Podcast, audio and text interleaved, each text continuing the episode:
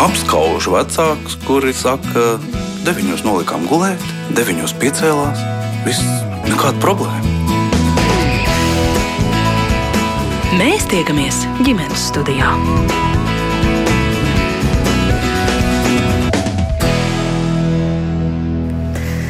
Labdien! Es priecājos sveicināt jūs visus radījuma ģimenes studiju klausītājus. Mans vārds ir Agnes Linka, šī radījuma producente Ilze Zvaigzne.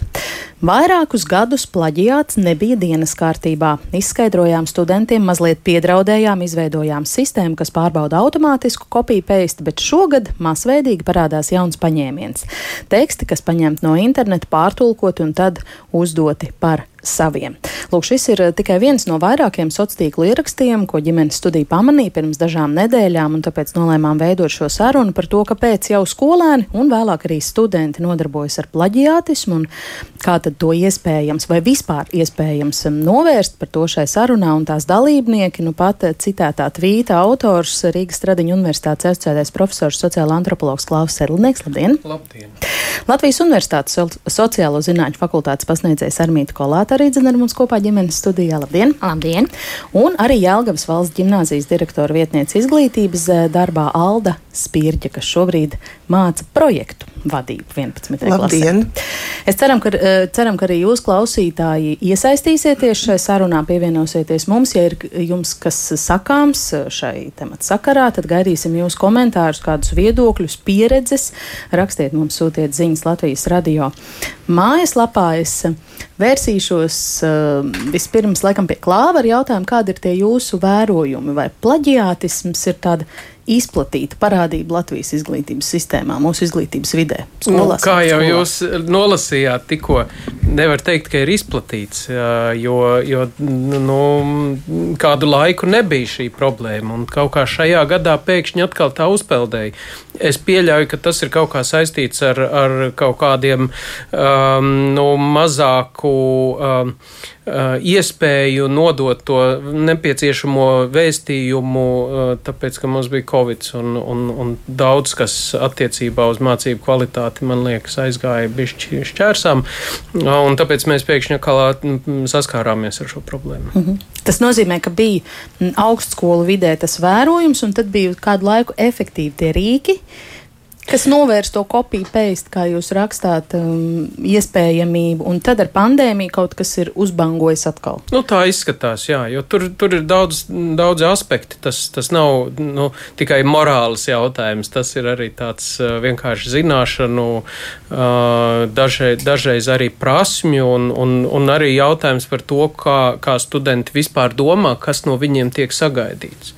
Jo tur arī zināms mm -hmm. problēmas. Rodas. Par tiem dažādiem aspektiem tad, tad smirkļi parunāsim plašāk. Sarmīta, mm, to arī savā Twitterī burtiski pirms dažām nedēļām raksti. Šogad plaģiāta līmenis studentu darbos ir sasniedzis tādu līmeni, ka bail mm, vai, vai jau vairs nav spēka vērt vaļā nākošo darbu, ja nu atkal kāda tā vērojuma par to plaģiātismu dinamiku. Mm.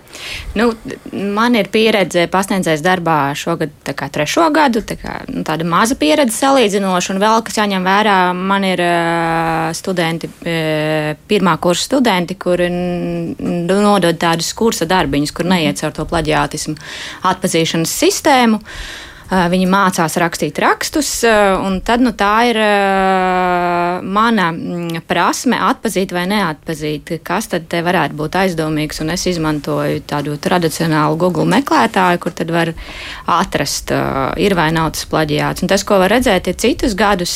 Nu, Man sākumā ir ļoti daudz studentu, 70, 80. Viņiem visiem jāizlabo tie darbi. Un var atpazīt, ka tie iesniedzamie teksti, kas ir kaut kas līdzīgs žurnālistiskam rakstam, kādi divi vai trīs bija vienkārši nokopēti, tad šogad tādi darbi bija desmit kas lielā mērā ir nokopēti. Un tas, kas nāk arī klāt, ko Klaus jau minēja, ka tie ir ne tikai no latviešu valodas norakstīti teksti, bet arī no krievu vai angļu valodas. Un tad, tad man ir jāizmanto arī Google Translate, jo viņi ir izmantojuši Google Translate, nevis vienkārši tulkojuši. Tā kā, nu jā, tā. Problēma samilst šķiet. Un tas, ko var redzēt vismaz programmā, kurā es pasniedzu, ka iespējams tā ir tāda mācību programma, kurā nokļūst arī studenti, kuri pēc vidusskolas. Nu, nezinu, ko darīt, nu, tad pamācīšos, nezinu, sociālās zinātnes, kas tad tur būs vieglāk nekā tur ķīmija vai, vai, vai par ārstiem vai kaut ko tādu. Un otra problēma, kas parādās, ka cilvēki ļoti, ļoti, ļoti slikti zina latviešu valodu. Un, ja viņi paši rakstītu šos tekstus, un arī ir tādi, kas paši raksta, tad nu, nevar bieži vien saprast, kas tur ir. Un tad varbūt arī tas plaģiāts ir kaut kāda mm, iespēja vismaz vieglāk tikt cauri šīm prasībām. Nu jā, tā, tās divas problēmas, ko var redzēt. Man personīgi pārsteidz tevis sacītais, jo pirms 20 gadiem, kad es startēju šajā pašā studiju programmā, tur mēģināja iestāties 17 cilvēku uz vienu vietu, un tas atlases līmenis tur nevarēja tā mm -hmm. vienkārši aiziet pastudēt, slikti zinot latviešu valodu tikai tāpēc, ka nav nekas cits, ko darīt. Bet tie ir eh, jaunieši pataisno no skolas soli. Jā, nu, es, tā, es tā pieņemu, ka ka šie ir eh, skolnieki arī no tā saucamajām krievu skolām. Ir gan, protams, krievu valodīgi, kas ļoti labi zina latviešu valodu, tā arī nevar teikt, un raksta latviešu ļoti labi šos rakstus. Un, un tur nav nekāda problēma. Bet jā, e, palielinās arī šo studentu skaits, nu, ar kuriem tā saziņa ir ļoti problemātiska. Es nezinu, kā kolēģi tos referātus varēs izlasīt. kas ir tas, kas tev dara aizdomīgu, lai dotos uz to Google un Google mm -hmm. translēt ar tām konkrētajām darbiņu frāzēm, citātiem? Mm -hmm. nu, piemēram, šī saruna mēs arī varam uztvert kā tādu tekstu vai rakstu, ja, kur, kur autors būtu Agnese un producente, e, bet nu, klausītājiem un lasītājiem, kas varbūt vēlāk eh, lasīs rakstu par šo sarunu, ir skaidrs, kur tad tā informācija ir ņemta. Te trīs viesi, jā, kuri kaut ko stāsta, viņus citē vai pārstāsta. Eh, šajos tekstos nekā tāda nav. Viņi parasti ir tādi, nu, eh, populāri zinātniski teksti, nu, piemēram, tēma - feminisma attīstība Amerikā. Tur nav nekāda problēma, un tad tur ir pirmais vilnis, otrais vilnis, trešais vilnis, un tas nu, izstāstīts, ja šis vēsturiskais stāsts, un tad viegli var saprast, ka tev ir jā, jāpameklē internetā, jāiztulko un jāatrod tā mājaslapa, un tad arī komentāru sadaļā norādīja, nu, kur to var atrast. Mm nu, jā, nav šī atsaukšanās uz kaut kādiem, nevar saprast, nevar redzēt, ka tur bijusi saruna.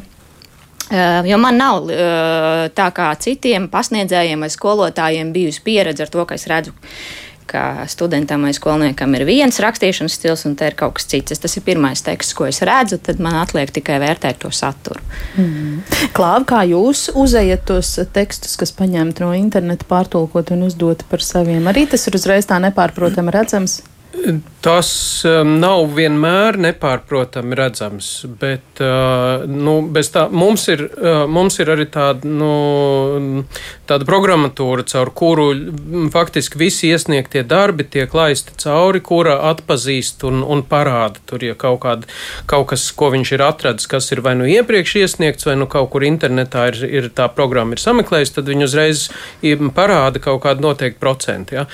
Bet, uh, bet nevienmēr nevienmēr un ne visu tur parāda. Un it sevišķi viņš netiek galā ar tiem tulkotajiem, protams, jā, jo tik gudrs viņš nav.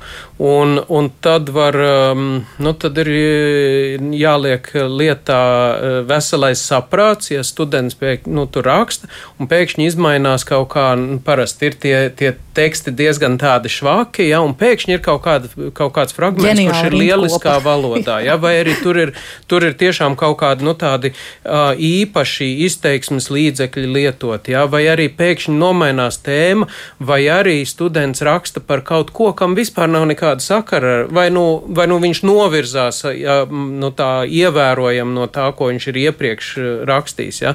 Un, un, un tad tā, tie teksti rada kaut kādas aizdomas, ja? un, un uh, it sevišķi tas ir attiecināts, nu, piemēram, pēdējā, pēdējā šajā gadā ja, man, man iesniedz melnrakstu bakalaura darba, kurā atsaucēs bija nu, vienā rindkopā vairāki ķīniešu autori pēc vārdiem. Un tā kā es paskatījos, es atvainojos paskatījos literatūras sarakstā, tad izrādījās, ka tie ne tikai ir ķīniešu autori, bet arī autori, kuri rakstījuši ir ķīniski, ķīniešu valodā, un vienam no tiem bija pie, piezīmēta piezīme, ka tā ir nepublicēta doktora disertācija. Tātad nu, studenti bija domājis, ka viņi varēs pasniegt tekstu, kur, kurš ir balstīts uz nepublicētu disertāciju ķīniešu valodā. Ja. nu, protams, ka tas rada aizdomas. Jā, apņēmīgi, teiksim tā. Alda, grib dot arī jums vārdu. Jūs pārstāvat eh, skolas eh, vidi un situāciju. Kādi ir jūsu vērojumi? Vai ar plaģiātismu sastopaties arī savu audzēkņu vidū, vai tas sākas jau skolā? Nu, es domāju, ka neapšaubāmi, kur gan citur tas radās. Jo, ja mēs sākam ar pētnieciskiem darbiem skolā, tad droši vien arī skolā viņi mēģina. Sākumā es gribētu teikt, ka manā gimnājā, Jālgavas valsts gimnājā, ir ļoti laba pieredze. Mums ir 27 gadu tradīcijas zinātniski pētnieciskiem darbiem, un vēl es piebildīšu, ja te tika runāts par sociālajām zinātnēm, tad mums pārsvarā ir STEM, um, eksaktās zinātnes, jo mums ir padziļinājumi gan matemātika, fizika, ķīmija, bioloģija nu, un arī citi priekšmeti, protams. Runājot par to plaģiātismu, nav vienkārši.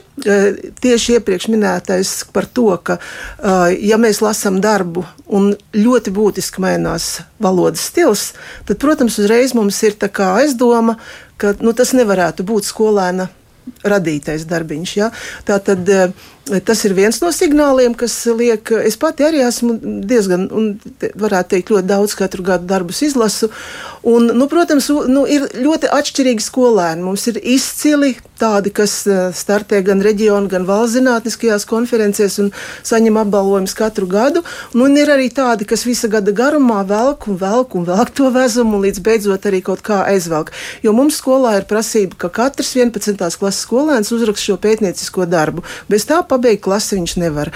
Un, nu, ir tie gadījumi par to plaģiātismu, piemēram, iedot darbu, it kā literatūras saraksts ir, bet atsaucas pilnīgi nevienas. Nu, tad mēs skatāmies, nu, kā, vai tas viss ir tavs radītājs? Nu, nav taču tavs radītājs. Dodam darbiņu atkal atpakaļ. Uh, skolēns, protams, piestrādā, nu, uh, nu, ir visādi, jā, bet, uh, ja, ja mēs runājam tā, ka nu, ļoti ļaunprātīgi gribētu to varbūt izmantot, es uh, nedomāju īpaši. Uh, nu, ir arī pa visiem šiem 27 gadiem bijuši ļoti komiski gadījumi, piemēram, uh, darbu iesniedz, uh, kas rakstīts kaimiņu skolā. Darbu rakstījis meitene mūsu skolā. Puisis papūlās nomainīja tikai titulapu. Ja, un, ja ievada daļā ir darba autore, kaut mm. ko tur ir izpētījusi, tad nu, šis Jānis vai Pēterīts, es, protams, vairs vārdu neatceros, ir jā, darba autore. Nu, ir arī tādi komiski gadījumi, bet tie ir ļoti reti. Kopumā es gribētu teikt, ka e, tādu ļaunprātīgu mums ir ļoti, ļoti maz. Es pat gribētu teikt, nav.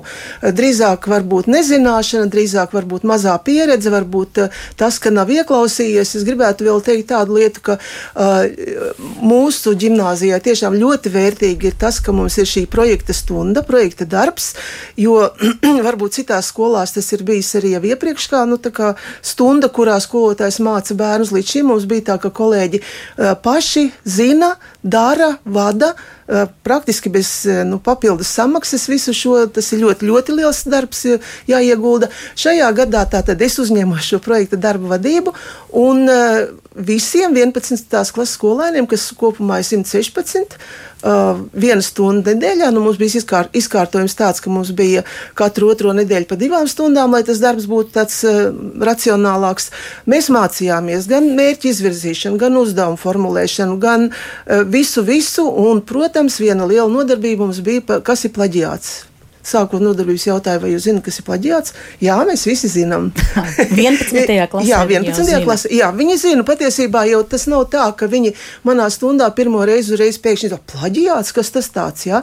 Uh, gan latviešu valodā, jā, viņi māca slit zinātniskās valodas stilu, uh, gan varbūt arī kādā citā priekšmetā ir, protams, skolotāji piemin to, un tā kā, nu, tā kā tas nav nekas tāds jauns, bet, nu, uh, Es varbūt ne īsti piekritīšu par to covid ietekmi, jo, protams, mums tas arī ļoti būtiski ietekmēja, un es biju ļoti bažīga, jo klātienes mums nebija, konsultācijas bija attālināti šajā pētnieciskajā darbā.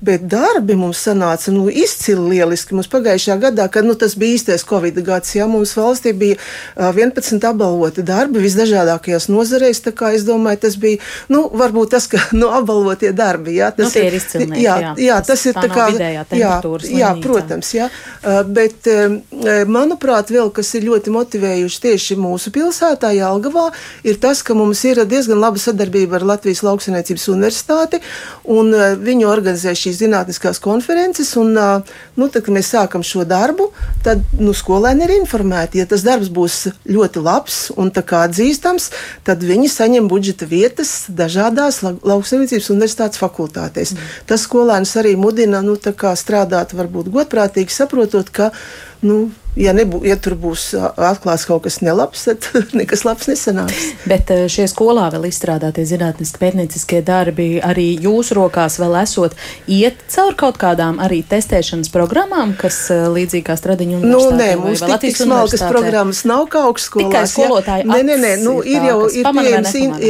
internetā ir pieejamas, jā, un tieši šogad es pati arī, nu tā, cik, nu, ne, nevaru visus, jā, teiksim, tur kaut kādi mums šogad bija pār 90 darbiem, un arī nav pamata visus, bet daži, kuri jau likās tādi slideni, nu, mēs ielikām tajā nu, tā, nu, tā kā plaģiāta meklētājā. Nu, jā, parāda tur, teiksim, 30% vai 50%. Un, kā tā?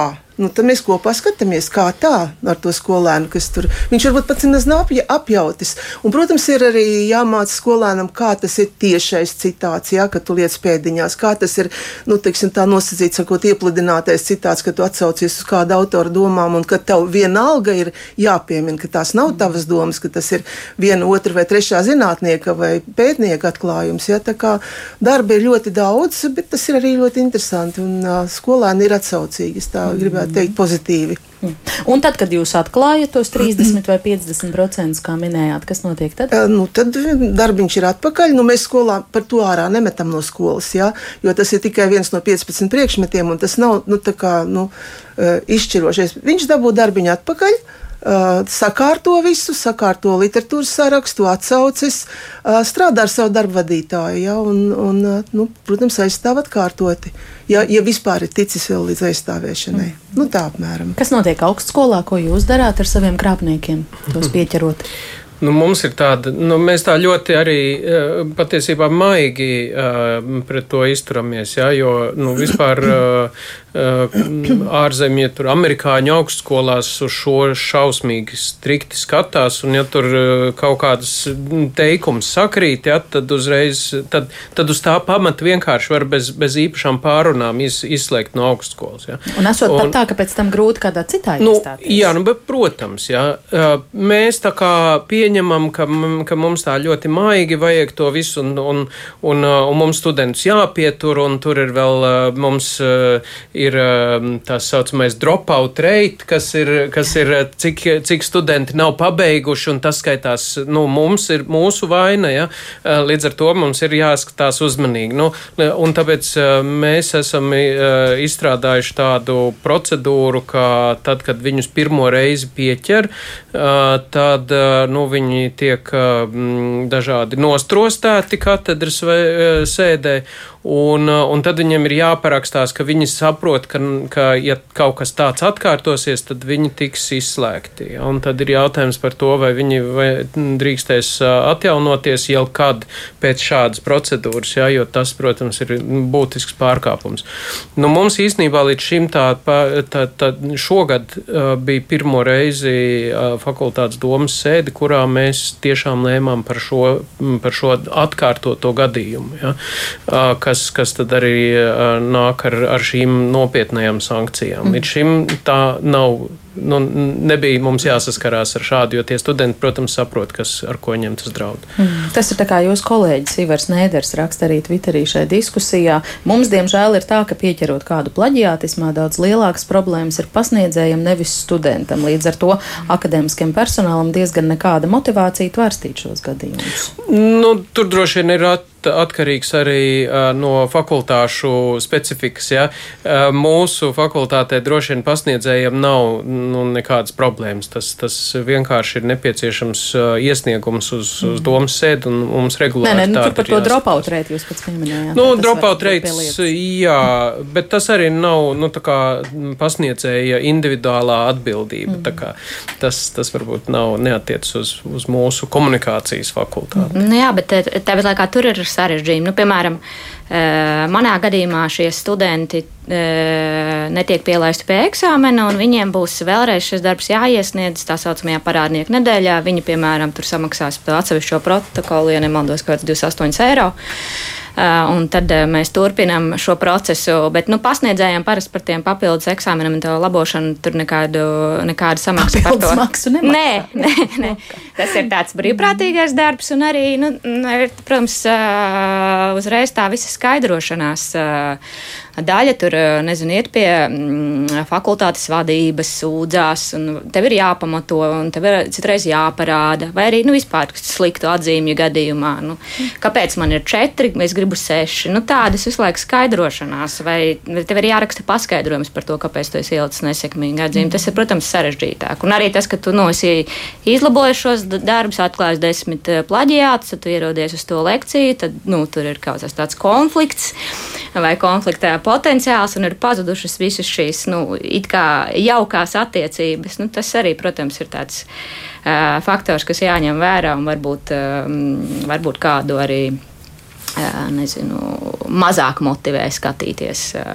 Ir tur nav plaģiāts vai mm. kaut kādas citas problēmas. Šis gan nav par plaģiāta tēmu, bet tevis teiktais man atsauc atmiņā. Tevis rakstīto tajā pašā Twitterī, ka tev likās, ka augstskolas posmā nenāksies vairs vecākiem pamatot, kāpēc bērnam ir šāda vai citāda atzīme.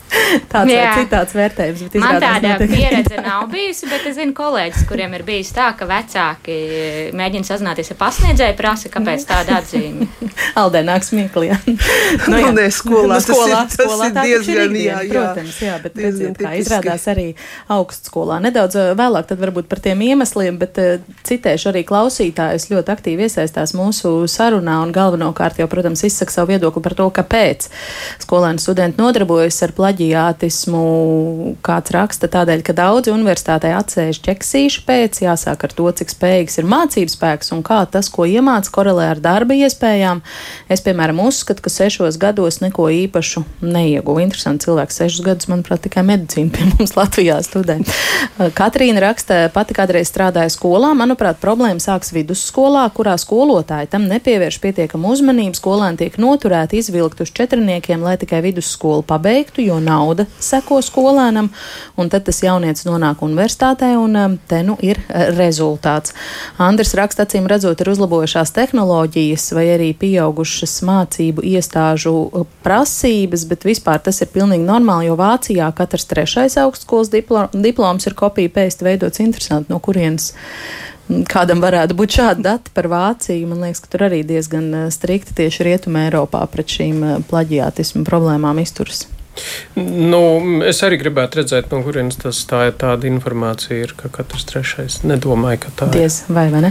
Valdes raksta, mans viedoklis viena lieta ir jauniešu slinkums, jo nelielā mērā, to nelielā mērā var norakstīt uz Covid laiku, bet manuprāt daudz svarīgāk ir izprast to, ka jaunieši neredz jēgu pētīt un aprakstīt to, ko kāds jau ir izpētījis un aprakstījis. Domāju, ka daudziem trūkstu motivācijas tieši mācību sistēmas dēļ, kura prasa atreferēt.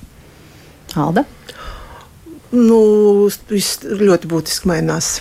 Nu, nē, tagad um, nu, es nevaru teikt par savu skolu noteikti. Ne, es nevaru apgalvot par visām skolām, bet nu, tas laiks, kad skolēniem vajadzēja atreferēt to kaut ko tā vienkārši izlasīt un atstāstīt, tas, tas sen ir aizgājis. Un nerunāju tikai par lielajiem pētnieciskiem darbiem, bet uh, katrā priekšmetā ir uh, mazie pētnieciskie darbi, gan bioloģijā, gan matemātikā, gan, gan fizikā neapšaubāmi. Ja, Nu, jā, nu, jāmācās. Ir, jā. Nu, es nevaru sūdzēties, ka kāds manā gimnājā gribētu atsēdēt un dabūt tikai diplomu. Tas nav vienkārši iespējams, tāpēc ka ir stingras prasības un uh, programmas un uh, diezgan bažām gaidu, kas būs. Bet jūs pieminējāt tos, kas velk to vezumu vai jā, ne? ne nu, neiet tik nu, visur taču ir uh, melnie pīlēni vai kā starp skaistiem baltiem gulbiem. Bet uh, bažas mums ir par nākošo gadu mazliet, jo pirmais gads, kad mēs beidzam ar padziļinātajiem kursiem. Gan angļu valoda, divi, gan matemātika, fizika, ķīmija, bioloģija, divi. Un, uh, izskatās, ka tās prasības ir ļoti augstas un pagaidām vēl īsti ne, neizprotams un nezināmas. Tāpēc tas mūs arī drusku dara bažīgus. Un kāpēc es to vispār pieminu? Tāpēc, ka katrā no šiem priekšmetiem skolēnam ir jāveic arī pētnieciskais darbs, lai viņš varētu tikt pie eksāmena. Tā kā nu, tās lodziņas 12. klases skolēnam būs milzīgas, gribētu teikt. Mm -hmm. Jānis vaicā, ja gadās, ka darbs ir kļūdaini uzrādījies plaģiāta sistēmā, kādas ir iespējas pierādīt, ka tas tomēr ir tavs oriģināls? Kā to pierādīt? Es nezinu, kā vispār var kļūdaini, kļūdaini mm, parādīties. Jā. Kļūdaini nu, nav iespējams statistiski, nav iespējams, ka, ka sakritīs teksts vairāk nekā kaut kādi nu, četri varbūt vārdi varētu sakrist, bet ja tev ir vesela rindkopa, nu kā, kā tad gan tur varētu būt? Un, protams, ka neviena jau tā sistēma uh, netiek darbināta tā, ka viņa tur, uh, nu, sistēma neko nesaka, ne, nenosaka. Sistēma tikai dod brīdinājumu Uzrāda par to, impulsu, un tad tu vari paskatīties, kas tad tur īsti notiek. Nu jā, tad diezgan daudz komentāru ir par to, ta, ka, ka, ka plaģiātismu iemesls ir tas, ka skolēniem, studentiem nekam nepietiek laika, ir saspringti termiņi, un, kā jūs teicāt, arī tā slodze ļoti liela, un kāda studenta raksta, tā ir klasika, ka puisis nodod darbu, kur secinājumi sākas ar manis pašas domas. Kā, jā, bet eh, par slodzi un eh, mācību vielas apjomiem runājot, šobrīd um, pastāstīs arī savu viedokli kāda māma, kas tagad piepulcēsies mūsu sarunai, un viņa dalās savās pārdomās ar ģimenes studiju pēc tam, kad sekojot sava skolēna mācību procesa sekmēm un neveiksmēm, viņa pati ir pieķērusi bērnu plaģiātismā un padalījās ar mums savā viedoklī. Paklausīsimies! Mans bērns mācās 6. klasē. Tas, ka ik pa laikam uh, uzpeldē informācija ar vecākiem, ka skolotāji ir izvirzījis pārāk augstas prasības tieši viņas mācāmajā priekšmetā, bērna to īsti netiek galā, es biju pamanījusi. Bet, protams, redzot, ka manam bērnam viss ar sekmēm ir salīdzinoši normāli, es viņam daudz uzticējos un sapratu, ka viņš ar visu tiek lieliski galā. Un mācību gada beigās, kad viņš devās savā sporta sacensībās, viņš nebija skolā. Un atkal bija jau kārtējā vecāka diskusija par to, ka bērniem ir neadekvāti zemes vērtējumi dēļ tā, ka bērni nav tikuši galā ar apjomu. Tas arī skāra man dēlu. Un, protams, viņam esot prom, es iesaistījos, sazinājos ar skolotāju. Un es sapratu, ka jā, mans dēls nav vairākas darbus nodevis. Es savam dēlam telefoniski jautāju, vai viņš nu, ir lietas kursā. Viņš teica, jā, viņš visu ir nokārtojis, vienkārši skolotāji nav izlabojis viņa atzīmes. Nu, protams, man nebija nekāds pamats neticēt savam bērnam, un es sazinājos ar skolotāju. Un saņēma tādu diezgan, varētu teikt, uzbrukošu attieksmi par to, ka parasti šādiem bezatbildīgiem bērniem vecāki pēdējā brīdī mēģina viņu apvainot vai aizvainot par to, ka viņi nav darījuši savu darbu pienācīgi. Un uh, es nonācu tādās interesantā konflikta krustelēs, kur es saprotu, ka man, protams, ir jāizzina šī situācija un jāsaprot, kur tad ir cēlonis, kāpēc ir nu, zemes vērtējums, tā nodot darbu, ko, protams, bērns pasaka, ka viņš ir nodevis. Un tad, kad uh, dēls atgriezās mājās, mēs uh, sākām analizēt, skatīties nosūtītos darbus.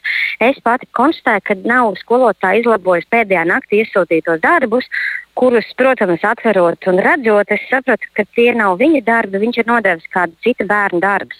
Un, protams, ka es to konstatēju, man liekas, ka tas ir ļoti nu, nopietns pārkāpums no bērna puses, bet mans bērns bija diezgan pārliecināts, ka viņš viss ir izdarījis pareizi. Un tad viņš eh, pēc garām sarunām sāka stāstīt par to, ka viņš tiešām nav ticis galā ar šo apjomu, un viņš ar klases biedriem ir sapratuši, ka šī metode strādā, ka var viens otram aizdot darbu, jo skolotāja nav pieķērusi iepriekš, un kāpēc to nedarīt tālāk. Man tas ļoti satrauc, mēs to visu pārunājām. Vienojāmies, ka šis zemais vērtējums ir pilnīgi adekvāts un par lietu, bet man raisīja pārdomas, nu kā var uzdodot darbus, nekonstatēt, ka vairāki bērni nodod vienu to pašu. Tas nozīmē, to, ka uzdodot lielu apjomu, patiesībā skolotāja pati jau nav tikusi galā ar uh, savu darbu, savu darbu pusi. Un, uh, nu, ko tas liecina par uh, savstarpējo komunikāciju? Man liekas, ka tā ir nu, trauksmes celšanas vērta, jo plaisa starp vecākiem un skolotājiem ir milzīga. Protams, arī šī jautājuma tālāk iesaistīja skolotāju un skolas vadību. Bet es domāju, tā ir kliedzoša situācija, kurā mēs skaidri redzam, ka sadarbībai vecākiem ar pedagogiem ir liela plaisa un bērnu vidū ir kā tādi upuri, kas meklē kaut kādas savas risinājumus. Iesaistījās skolotāji un skolas vadība, kā tā situācija tālāk tur izcinājās. Teiksim tā, viņi varbūt to uztver diezgan ikdienišķi un pārunāja un risināja. Viņiem tas nebija pārsteigums par skolotājas neadekvātām prasībām pret bērniem. Bet man kā māma tas satrauc, ka vecāki ir neapmierināti ar kādu skolotāju dotiem uzdevumiem. Skolotāji iestājās savā pozā, ka viss ir kārtībā, bet, nu, ja mēs to situāciju iepazīstam līdz galam, mēs redzam, ka īsti jau nav tā, ka skolotāji tiek galā. Kāda viņi pieņems lēmumu nākamajā mācību gadā, vai vienkārši skolotāji nedos šādas stundas, es nezinu. Vai bērniem bija kaut kāds uh, tālāk redzējums uz priekšu, kāpēc tā varbūt nevajadzētu darīt, vai jums kaut kādas sarunas ar dēlu arī par to bija? Protams, tad, kad viņš man pastāstīja, kā tas viss notiek, un es izrādīju savu sašutumu, viņa pirmā reakcija bija tāda, lai es viņu sodu, un ka man ir jābūt stingrākai par dēlu, un ka viņš noteikti labosies un tā tālāk nu, tā bija. Mēs arī pirms pārnājām, ka nu, nevienmēr arī jāmācās ir dēļ atzīmēm, ka šī priekšmetā ir ļoti svarīgi tiešām gūt tās zināšanas. Mēs par to ļoti daudz ar viņu runājam. Un droši vien, ka arī nākamajā klasē es sekošu daudz vairāk līdzi, jo savā ziņā es arī uzņēmos atbildību. Lai gan nu, 6. klasē man liekas, ir pietiekami liels bērns, kurš pats tiek galā ar lietām. Es domāju, ka mēs konkrēti ar dēlu pie šī jautājuma vēl noteikti atgriezīsimies, pārunāsim ir noteikti jādomā pie kādiem preventīviem darbiem, lai šī pieaugušo savstarpējā sadarbība, ko mēs sakām vecāku un pedagogu, lai tiksim, viens no otra nebaidītos, viens otru nemēģinātu aizvainot un aizskat. Bet tad, kad ir kaut kāda situācija, ka mēs par viņu ļoti atklāti runājam un abas puses izdara secinājumus, nu, neiestājās tādā aizsardzības pozā, kad vecāki vaino pedagogus, pedagogi vaino vecākus, un pa vidu īstenībā nu, cieši bērns, un bērnam ir jāatrod kaut kāda jauna metode, kā tajā visā izdzīvot. Tas ir diezgan satraucošs jautājums. Jo, manuprāt, tā jau par pedagogiem eh, nu, daudz runājam, cik viņi trūkst un cik profesijā zemes prestižs ir. Šo prestižu jau nevairo šādas situācijas. Es noplātu rokas, es saku, es nezinu, kā to risināt. Es noteikti tam sekošu līdzi, pievērsīšu uzmanību gan kā māma savam bērnam, bet tajā pašā laikā nu, man par to ir ļoti, ļoti žēl, ka tā ir.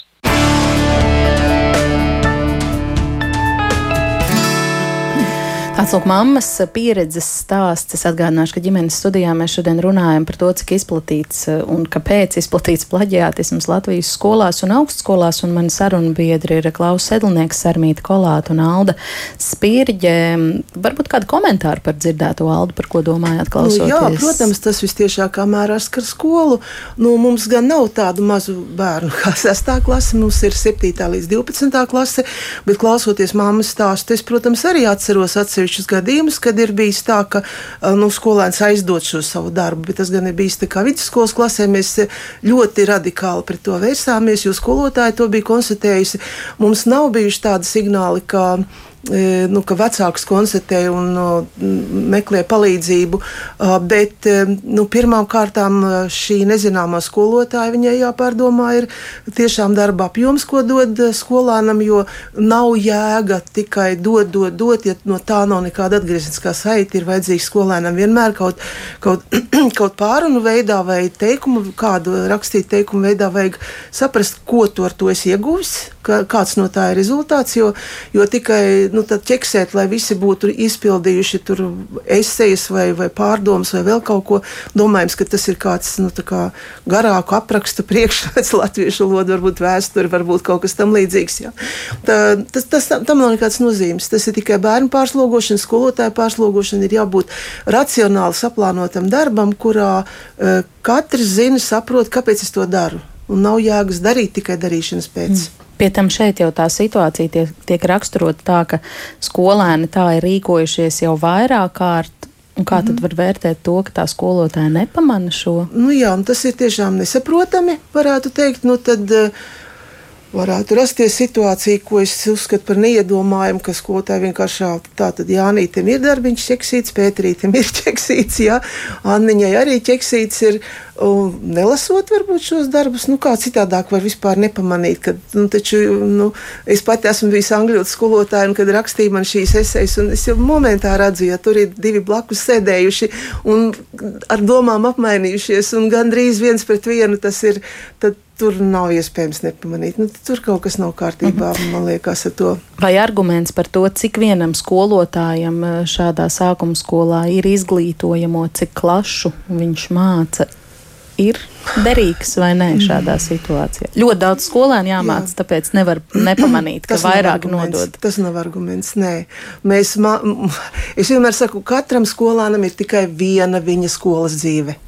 Un ja mēs kā skolotāji sabojājam šo viņa vienīgo iespēju iemācīties vislabāko, ko mēs viņam varam izdarīt, dot, nu, tad tā ir mūsu atbildība. Mēs esam vainīgi pie tā, ka mēs kaut ko sabojājam. Nē, nē, nē, šeit nedrīkst atrunāties. Man ir tur 60 vai 90 skolēni vai vēl cik daudz. Nē, nu, tad vajag pārdomāt slodzi. Protams, ka skolotāja darbs ir ļoti sarežģīts, ļoti laikietilpīgs un darbietilpīgs un bieži nenovērtējams. Bet, nu, nu, es nezinu, tie, kas ir īsti skolotāji, tie paskatās droši vien visvairāk uz to pozitīvo, uz rezultātu, uz augstskolās iestājušos skolēnu skaitu. Nu, katrā ziņā gimnājā tas tā ir. Uz to, ka nu, pieminēšu mūsu skolai šogad simts gadi. Rudenī mums būs nu, tā nav reklāma, bet vienkārši mēs ar to dzīvojam. Un, un rudenī mums būs absolventu salidojums tie brīži, kad tev ierodās simtiem skolēnu, tie vienkārši ir burvīgi. Skolotājiem ir jābūt ļoti atbildīgam. Šajā gadījumā es mammai teiktu, ka skolotāja bija nevisai atbildīga. Kāda vecāka loma tad šajā procesā skaidrot, jā, tur sastāv klasē vēl kā redz, var kontrolēt, ja vajadzība, mm, nu, stāstīt, jā, Nu, kas, ir, kas, kas ir godīga attieksme un kas ne, nē? Protams, nu, es domāju, ka lielā mērā nu, mēs, es domāju, skolā mēs mācām labas lietas. Nu, mēs nemācām plaidīties un, un šmaukties un tā. Un lielā mērā es domāju, ka ģimenē arī mācās šīs pozitīvās lietas. Un, ja, uh, kaut kur tā, nu, tā ir drusku nesakritība, varbūt kā, tad e, jāsanāk abām pusēm kopā un jānoskaidro, kā tas īsti ir. Nu, tur ir jāiesaistās skolai un drusku jāsaprot, ko, ko un kā darīt. Ar tiem vecākiem ir ļoti interesanti. Ir tādi, kas e, nu, tā mums ir e, sākot no 7. klases, tad laimīgi, ka viņi tikuši mūsu gimnājā un tālāk bērns plūst pa skolu ir viena tāda daļa. Viņam vairāk kā, diezgan maz interesi.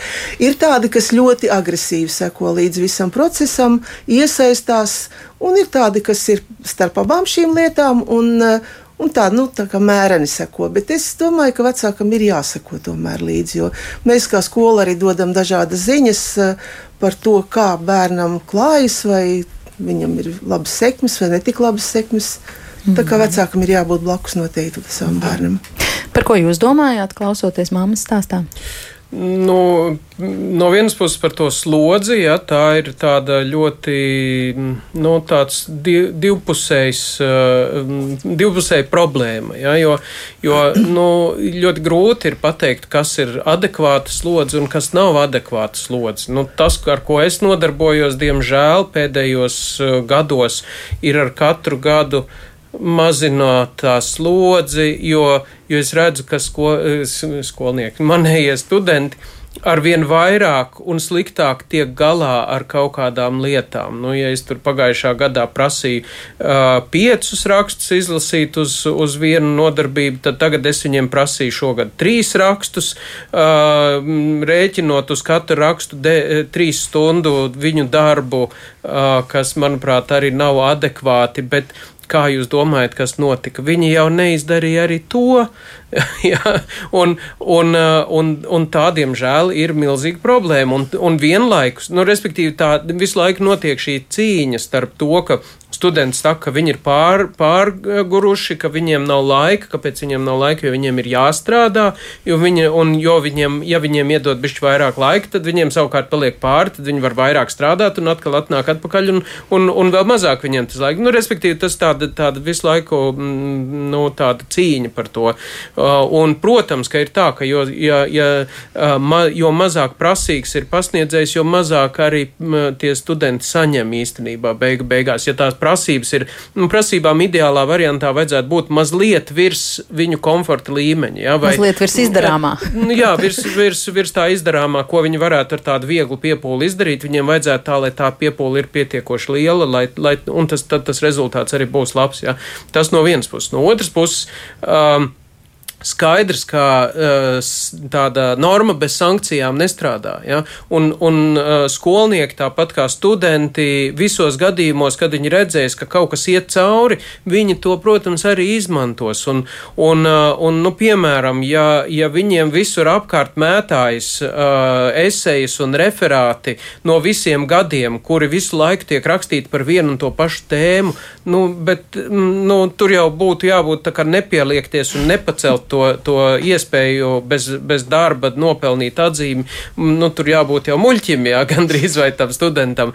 Uh, un tas nozīmē, ka arī no pasniedzēja ir ļoti lielā mērā atkarīgs, vai viņš uh, būs, uh, nu, mazliet pacentīsies, ja, un katru gadu mazliet pamainīs tās tos uzdevumus, kas viņiem ir, lai, lai tas tā, tā, nu, tāda brutāla citu darbu paņemšana nebūtu arī iespējama. Ja. Un pat nekārdinoša. Jā, jā. Nu, un, protams, ka ir arī vēl, vēl cita puse ir tā, ka, ka pasniedzējiem augstskolā uh, algas ir mazas, slodzes lielas, uh, citi uzdevumi ļoti daudz, un tad ir viss šīs leģendas par to, ka, ka kas, ko studenti tikai tur nesaraksta tajā savos rakstu darbos, vai, vai es dzirdēju tādu anekdoti par pasniedzēju, kurš izlaboja ar diezgan labām atzīmēm sveša pasniedzēja kursa referātus. Ja?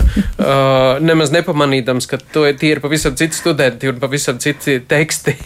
bet bet labi, ka ar labām atzīmēm. Labi, atzīmes ir labas, jā, bet beig, beigās izrādījās, ka tās, nu, tas otrs kolēģis nesaprata, kāpēc jau ir izlabots. Jā, jā, bet manā studiju laikā arī bija tā, ka bija populāri mēģināt kaut kur ap referāta vidu. Tad, ja bija aizdomas, ka tas pasniedzies nelasīs, tad, tad ap referāta vidu vai referāta beigām kaut kur drosmīgie mēdzi ierakstīt kādam Kādu teikumam, domu? riktīgu muļķību. Jā, un tad, un tad pēc tā varēja ļoti labi saprast, lasa vai nelasa. Students nedara tā vairs, nu.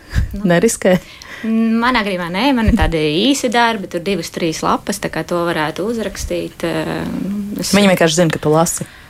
Nu, jā, tagad, tagad viņi zina. Jā. Droši vien uz to atkārtoto mm, rakstu iesniegšanu viņi jau ar to rēķināsies. Mm -hmm. Vai tev bija kādas pārdomas, klausoties mammas stāstītājiem? Nu, par to sesto klasi man grūti spriest. Kaut kas tāds ļoti sen man nebijis, vai vēl nav aktuāls. Es esmu pirmklasnieka māma, tā kā par to mazāk pateikt. Eh, bet par to slodzi runājot, man arī līdzīgi kā klāvam, lai gan nav tik eh, liela pieredze, esot mācību spēkam, es katru gadu samazinu to prasību skaitu, gan izlasāmo, gan nododamo darbu skaits nedaudz samazinās, un tik un tā ir tās, tas čīkstēšanas par, par to, ka tas ir par daudz. Atceros, ka bija šī diskusija Twitterī par šo plaģiātu tēmu, tad bija cilvēki, kur arī prasīja, nu kāda jēga vispār rakstīt tos kursa bakalauru un tam līdzīgi darbus, kur tas dzīvē noderēs. Tad, tad ir jautājums, kāpēc vispār izvēlēties akadēmisku mācību programmu vai, nu kā, varbūt kaut kā atbildīgāk piestrādāt pie tās tēmas, kur tu izvēlējies pētīt. Bet, Bet eh, nu, manā gadījumā jau šie darbi ir arī tādi, ka students var eh, uzrakstīt rakstu, kuru viņš vienlaikus var iesniegt arī redakcijā un saņemt varbūt honorāru ne tikai atzīmi. Tad viņam ir eh, laba pieredze mm. arī no praktiskās dzīves. Tā kā tādas tās pārdomas prom. Jā, Te mums ir viens komentārs, kas nebūtu ne par uh, akadēmisko vidi Edmunds raksta, esmu tā teikt palīdzējis. Nokārtot eksāmenus savā grupā automehāniķiem, autodiagnostiem, datorsistēmu tehniķiem, metinātājiem. Ja tā pa nopietno bez manas iejaukšanās lielākā daļa eksāmenus vispār nenokārtot, un galvenokārt viņa prāt tā ir pasniedzēja vaina, kas nemāk vielu e, iemācīt. E, Ievsūta sveicienu sedlnieku kungam un saka, ka jūsu kurs bija viens no izaicinošākajiem Rīgas Stradiņa universitātes pieredzē, un nebija šaubu, ka viņš izlasīja visas mm, esejas. Jā.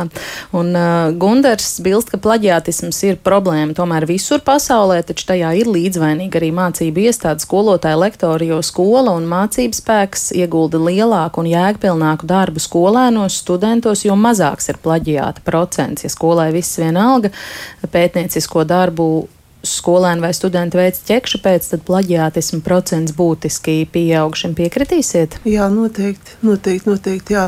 Es tāpēc saku, ka mēs jau ļoti apzinīgi sākam apzināti, sākam uh, saviem skolēniem mācīt lietas, kuras ir jādara, kā ir jādara un kāpēc tās ir jādara. Un, un noteikti, ja, ja skola sāk, tad uh, Nu, tā kā es ļoti ceru pozitīvi aiziet uz augstskolu, un tālāk augstskola var vienkārši tikai pilnveidot un padziļināt visas tās lietas, prasmes un zināšanas. Tā kā noteikti piekritīšu. Jā. Jūs pieņemat tos akmeņus, ko visi te visu laiku met tajā skolas dārziņā, tā teikt.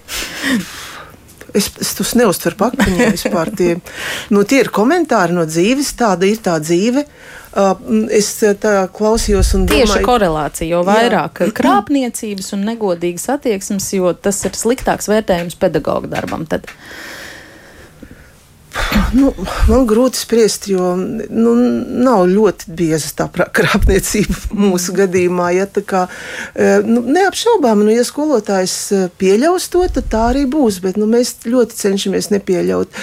Bet, um, es domāju, ka te varētu runāt arī drusku plašākā nozīmē par krāp, krāpšanos sabiedrībā vispār, jā, ko mēs klausāmies, redzam nepārtraukti. uh, Ziņās un mēdījos, nu, ko tikai mēs neuzzinām. Piemēram, vakardien nesaukšu nevienu uzvārdā, ja?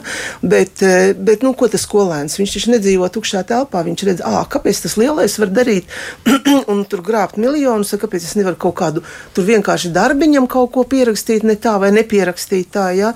Tā kā man liekas, tā ir vispār sabiedrības attieksme. Un, Un, nu jā, kamēr mēs nebūsim izauguši normāla sabiedrība, kas katrs godīgs un atbildīgs par to, ko dara un saka un kā rīkojas, tad arī nu, tās bērniem nav īsti no kā mācīties. Nu, ir, protams, daudz vairāk ir pozitīvā nekā negatīvā, bet, mm. bet nu, tomēr. Kristīna raksta, nevienmēr plaģiātisms sākas skolā, sākot studēt Latvijas universitātē, redzēja to prātam neaptveramo eksāmenu atbilžu dalīšanu, darbu nospiešanu, darbu pašūtīšanu kādam citam vai uzņēmumam pat. Aizgāja no universitātes studēt Dānijā, tur pret šo vērsās ļoti stingri, kursu biedrinē pietrūka viena atsauce un viņas bakalaura darbu nepieņēma, vajadzēja rakstīt jaunu un aizstāvēt pa jaunam pēc gada, un atkārtots plaģiātisms ir atskaitīšana. Mūsu maksas studijās jau tā nedarīs, ja students maksā. Mm. Klāv, jūs piekrītat eh, Aldai par to sabiedrības šķērsgriezumu vērtējumu šajā jautājumā? Nu, to, Ka tie bērni to varbūt iemācās no mums pieaugušajiem. E, Kaut kādā ziņā noteikti, jā, jā protams, protams, tas tam, tam ir ā, zināma um, saikne, un, un tur ir arī uh, tas, tās tolerances līmenis, jau ir arī. Starp citu, arī reizēm es pabrīnos arī par saviem kolēģiem un viņu tolerances līmeni. Ai, nu nekas, viss jau būs labi. Tas jau nekas, ka tur ir puse, no, puse teksta nav, nav oriģināls, ja? bet kopumā jau darbs ir labs. Ja? Lab, cilvēks jau labs. Viņš jau tikai nu, ir paņēmis tur kaut kādu, kaut kādu lietu no cita. Nu, un, un tur ir arī, nu, piemēram, vien, viens no, no, no tādiem motivatoriem kaut kādās Amerikas augstskolās, piemēram, ir tas, ka viņiem ir diezgan stingra konkurence savā starpā. Ja? Un, tad, ja, ja, ja, un viņi pieskata viens otru arī un skatās, lai tas mm. otrs nešpikot un, un neiesniegt kaut kādas darbus. Ja? Tad, tad pie mums nu, tā arī dzīves attieksme bieži vien ir tāda, ka mēs lab, nu, tie, tie, tie, tā tauta ja, savā starpā labāk sadarbosimies, lai piekrāptu tos, uh, tos uh, nu, uh, nu, šajā gadījumā skolotājs vai pasniedzējs, ja, jā, varbūt. un, un tādā veidā kaut ko izdabūt sev, se- kaut kādu savu labumu. Ja, ka- lai gan mm, kopumā tāpat kā attiecībā uz, uz kaut kādām nezinu, nodokļu maksāšanu, tāpat arī šajā gadījumā beig, beigās visi zaudētāji. Mm, tas līdzīgi kā tā mirkšķināšana ar auto pabraucot pretī un brīdināt policiju. Jā, it kā jauki vienam pret otru, bet, bet kopumā neslīgi. Bet, jā, jā, man liekas, ka nu, tā, ka tu esi skolnieks, tu to izglītības procesu uztver kā arī vidusskolā, kas taču nav uh, obligāti uztvert kā neizbēgama un nepieciešama realitāte. Bet, nu, eh, iespējams, ka daļa, kas kļūst par studentiem, viņi eh, uz augstskolu skatās kā jau tāds pakalpojumu pircējs. Viņš maksā par šīm studijām. Būs tas papīrīts beigās, ko Jā, vajadzēs vai to papīrīt, un kāpēc man vēl te prasa kaut ko? Nu, varbūt eh, tāda, tāda līdz tādai lamāšana, lamāšanai nenonāk, bet tomēr nu, tāda attieksme ir, ka es pērku pakalpojumu. Nu, labi, es kaut ko, vai es varu te pasēdēt, bet nu, tāda mm, piepūles prasīšana, tas jau ir tā, nu, kad ieej manā komforta zonā. Tas arī ir kaut kas tāds, ko nu, var redzēt, man liekas, kļūst aizvien aktuālāks. Un augstskolas, diemžēl, nu, konkurē par tiem studentiem Savā starpā, jā. savā starpā, jā, un, un, un tā, tā ir tāda kaut kāda problēma, kas samildzīs aizvien vairāk. Un Kā tad to novērst? Nē, bet tur ir vēl otra puse, um, ko, ko bieži vien augstskolas neapzinās, ir tas, ka nu, no vienas puses jau varētu it kā uh, laist to visu cauri, ja, bet, bet no otras puses uh, ir jautājums par, uh, par augstskolu arī prestižu. Ja, un augstskolu kvalitāti un to, cik vērtīgs ir tas diploms. Jo beigu beigās nu, mēs zinām, mm, varbūt tagad mazliet tā situācija ir uzlabojusies, bet vēl pirms pāris gadiem par daudzām augstskolām mm, runāja. Uh, ka nu, tas diploms jau, nu, kas tad tur, tur jau visus slēdz Nu, cauri. kotējās vai nekotējās, Jā, tur tā jā. lieta. Un tas pašās ir, Twitter diskusijas, piedodiet, bija par tos uh, Stokholmas School of Economics Rīga, ka tur vispār plaģiātisms ir nulles tolerants. Un mēs zinām, kā kotējās šie diplomi. jā. Turpiniet, beidziet. Nu, jā, nu tas, un, un, un par to augstskolas bieži vien nepadomā, tad, kad viņas domā, ah, nu mums ir jāpietur šie, šie, šie sliktie uh, studenti, jo viņi mums maksā, vai pa viņiem mums nāk kaut kādas, nezinu, budžeta vietas pat varbūt, jā, un, un, un, un mums tas ir izdevīgi, bet ilgtermiņā tas tām augstskolām atspēlēsies, un, un jau atspēlējas arī. Pa vienam teikumam, tad kā šo risināt vai virzīt uz labo pusi, jo mums tā, diagnoze tāda viss ir slikti. Viss ir slikti un būs vēl sliktāk. Varbūt nākamgad tikai vienu rakstu uz lekciju prasīsiet. Nu, izlasīt. tur ir dažādi. Pirmkārt, ir, ir, ir jāizglīto, otrkārt, ir, ir pasniedzējiem jābūt uh, iespējām uh, arī to um, labot un, un caurskatīt, lai viņi nu, nelaistu cauri vienkārši.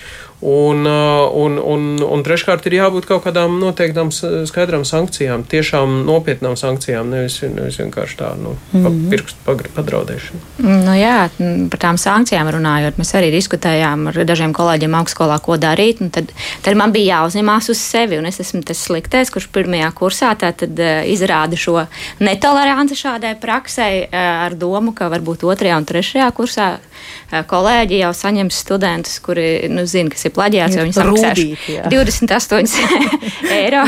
nu, jā, tā, ka tas, uh, ka tas process, kuram tu esi spiests iziet cauri, varbūt tev arī māca. Mm, Nāda? Jā, es pirmkārt teikšu, nav viss slikti. Viss ir labi. Jaunieši ir labi, skolotāji cenšas. Un uh, mums kopā visiem tas ir jādara. Un, un nepārtraukti ir jāmācās. Es tiešām domāju, ka es par savu gimnāziju varu teikt, mēs noteikti to darīsim nākošais gads vēl tikpat kārtīgi un vēl kārtīgāk. Jo pirmais gads ir tikai pirmais gads. Un, Un mēs centīsimies augstskolām labus studentus sūtīt, jo nu, īstenībā ļoti daudz mums aiziet gan uz stradiņiem, gan uz Latvijas universitāti. Un, Un, nu, tā kā nav slikts atsauksmes, bet e, sabiedrībai vecākiem ir vairāk jāsako līdz saviem bērniem, īpaši savā, nu, īpaši jaunākajā vecumā. Un arī vidusskolā. Nu, nevar paļauties uz to, kā man arī ir bijusi saruna. Tiešām viņai ir vājas sekmes. Es Šo tā uz- liela, jā. jā, es tā paļāvos. Un beigās izrādās, ka nevienmēr var paļauties. Bet vispār kopumā skolēni ir labi. Un skolotāji arī. Paldies par šo optimismu. Noslēgšu ar klausītājas Kristīnas rakstīto. Eh, Viņas prāt būtu laiks arī padomāt par izmaiņām pašā sistēmā. Diez vai bakalaura līmenī iespējams atrast un uzrakstīt kaut ko unikāli nezināmu 60 lapušu garumā, bez tam 4 gadu laikā, taču fakultātēm ir skaidrs, vismaz būtu jābūt, uz ko konkrētais students ir spējīgs, ko saprot, nesaprot. Šobrīd sanāk, ka 4 gadus var knapi vilkt uz četrniekiem, beigās nopērk vai pēkšņi uzraksta darbu uz 8, 9 un visi laimīgi. Un rezultāts, protams, ir identisks tam studentam, kurš četrus gadus izrādījis teicamu mm, darbu vai augstākās izglītības iestādēm nebūtu jāvērtē viss mācību process kopumā, bet par vidusskolu citādi. Tur svarīgi iemācīties saprast, kas vispār ir zinātniski pētnieciskais darbs, kā tehniski salikt atsauces. Un tā tālāk komentārs ļoti garš vēl turpinās. Es teikšu paldies visiem rakstītājiem. Viela pārdomā mums um, ir noteikti, ka pie šī temata mēs atgriezīsimies ģimenes studijā. Šodien viesojās sociāla antropologs Klaus Sedlnieks, uh, sociāla zinātņu fakultātes pasniedzējs Armīta Kolāta un Jālgavas valsts gimnāzijas direktors vietniece Alda Spirģe. Un radījumu šodien uh, veidoja Agnese Linka, Ilza Zvaigzne, pieskaņu pults Kristaps Runģis. Uz sadzirdēšanos!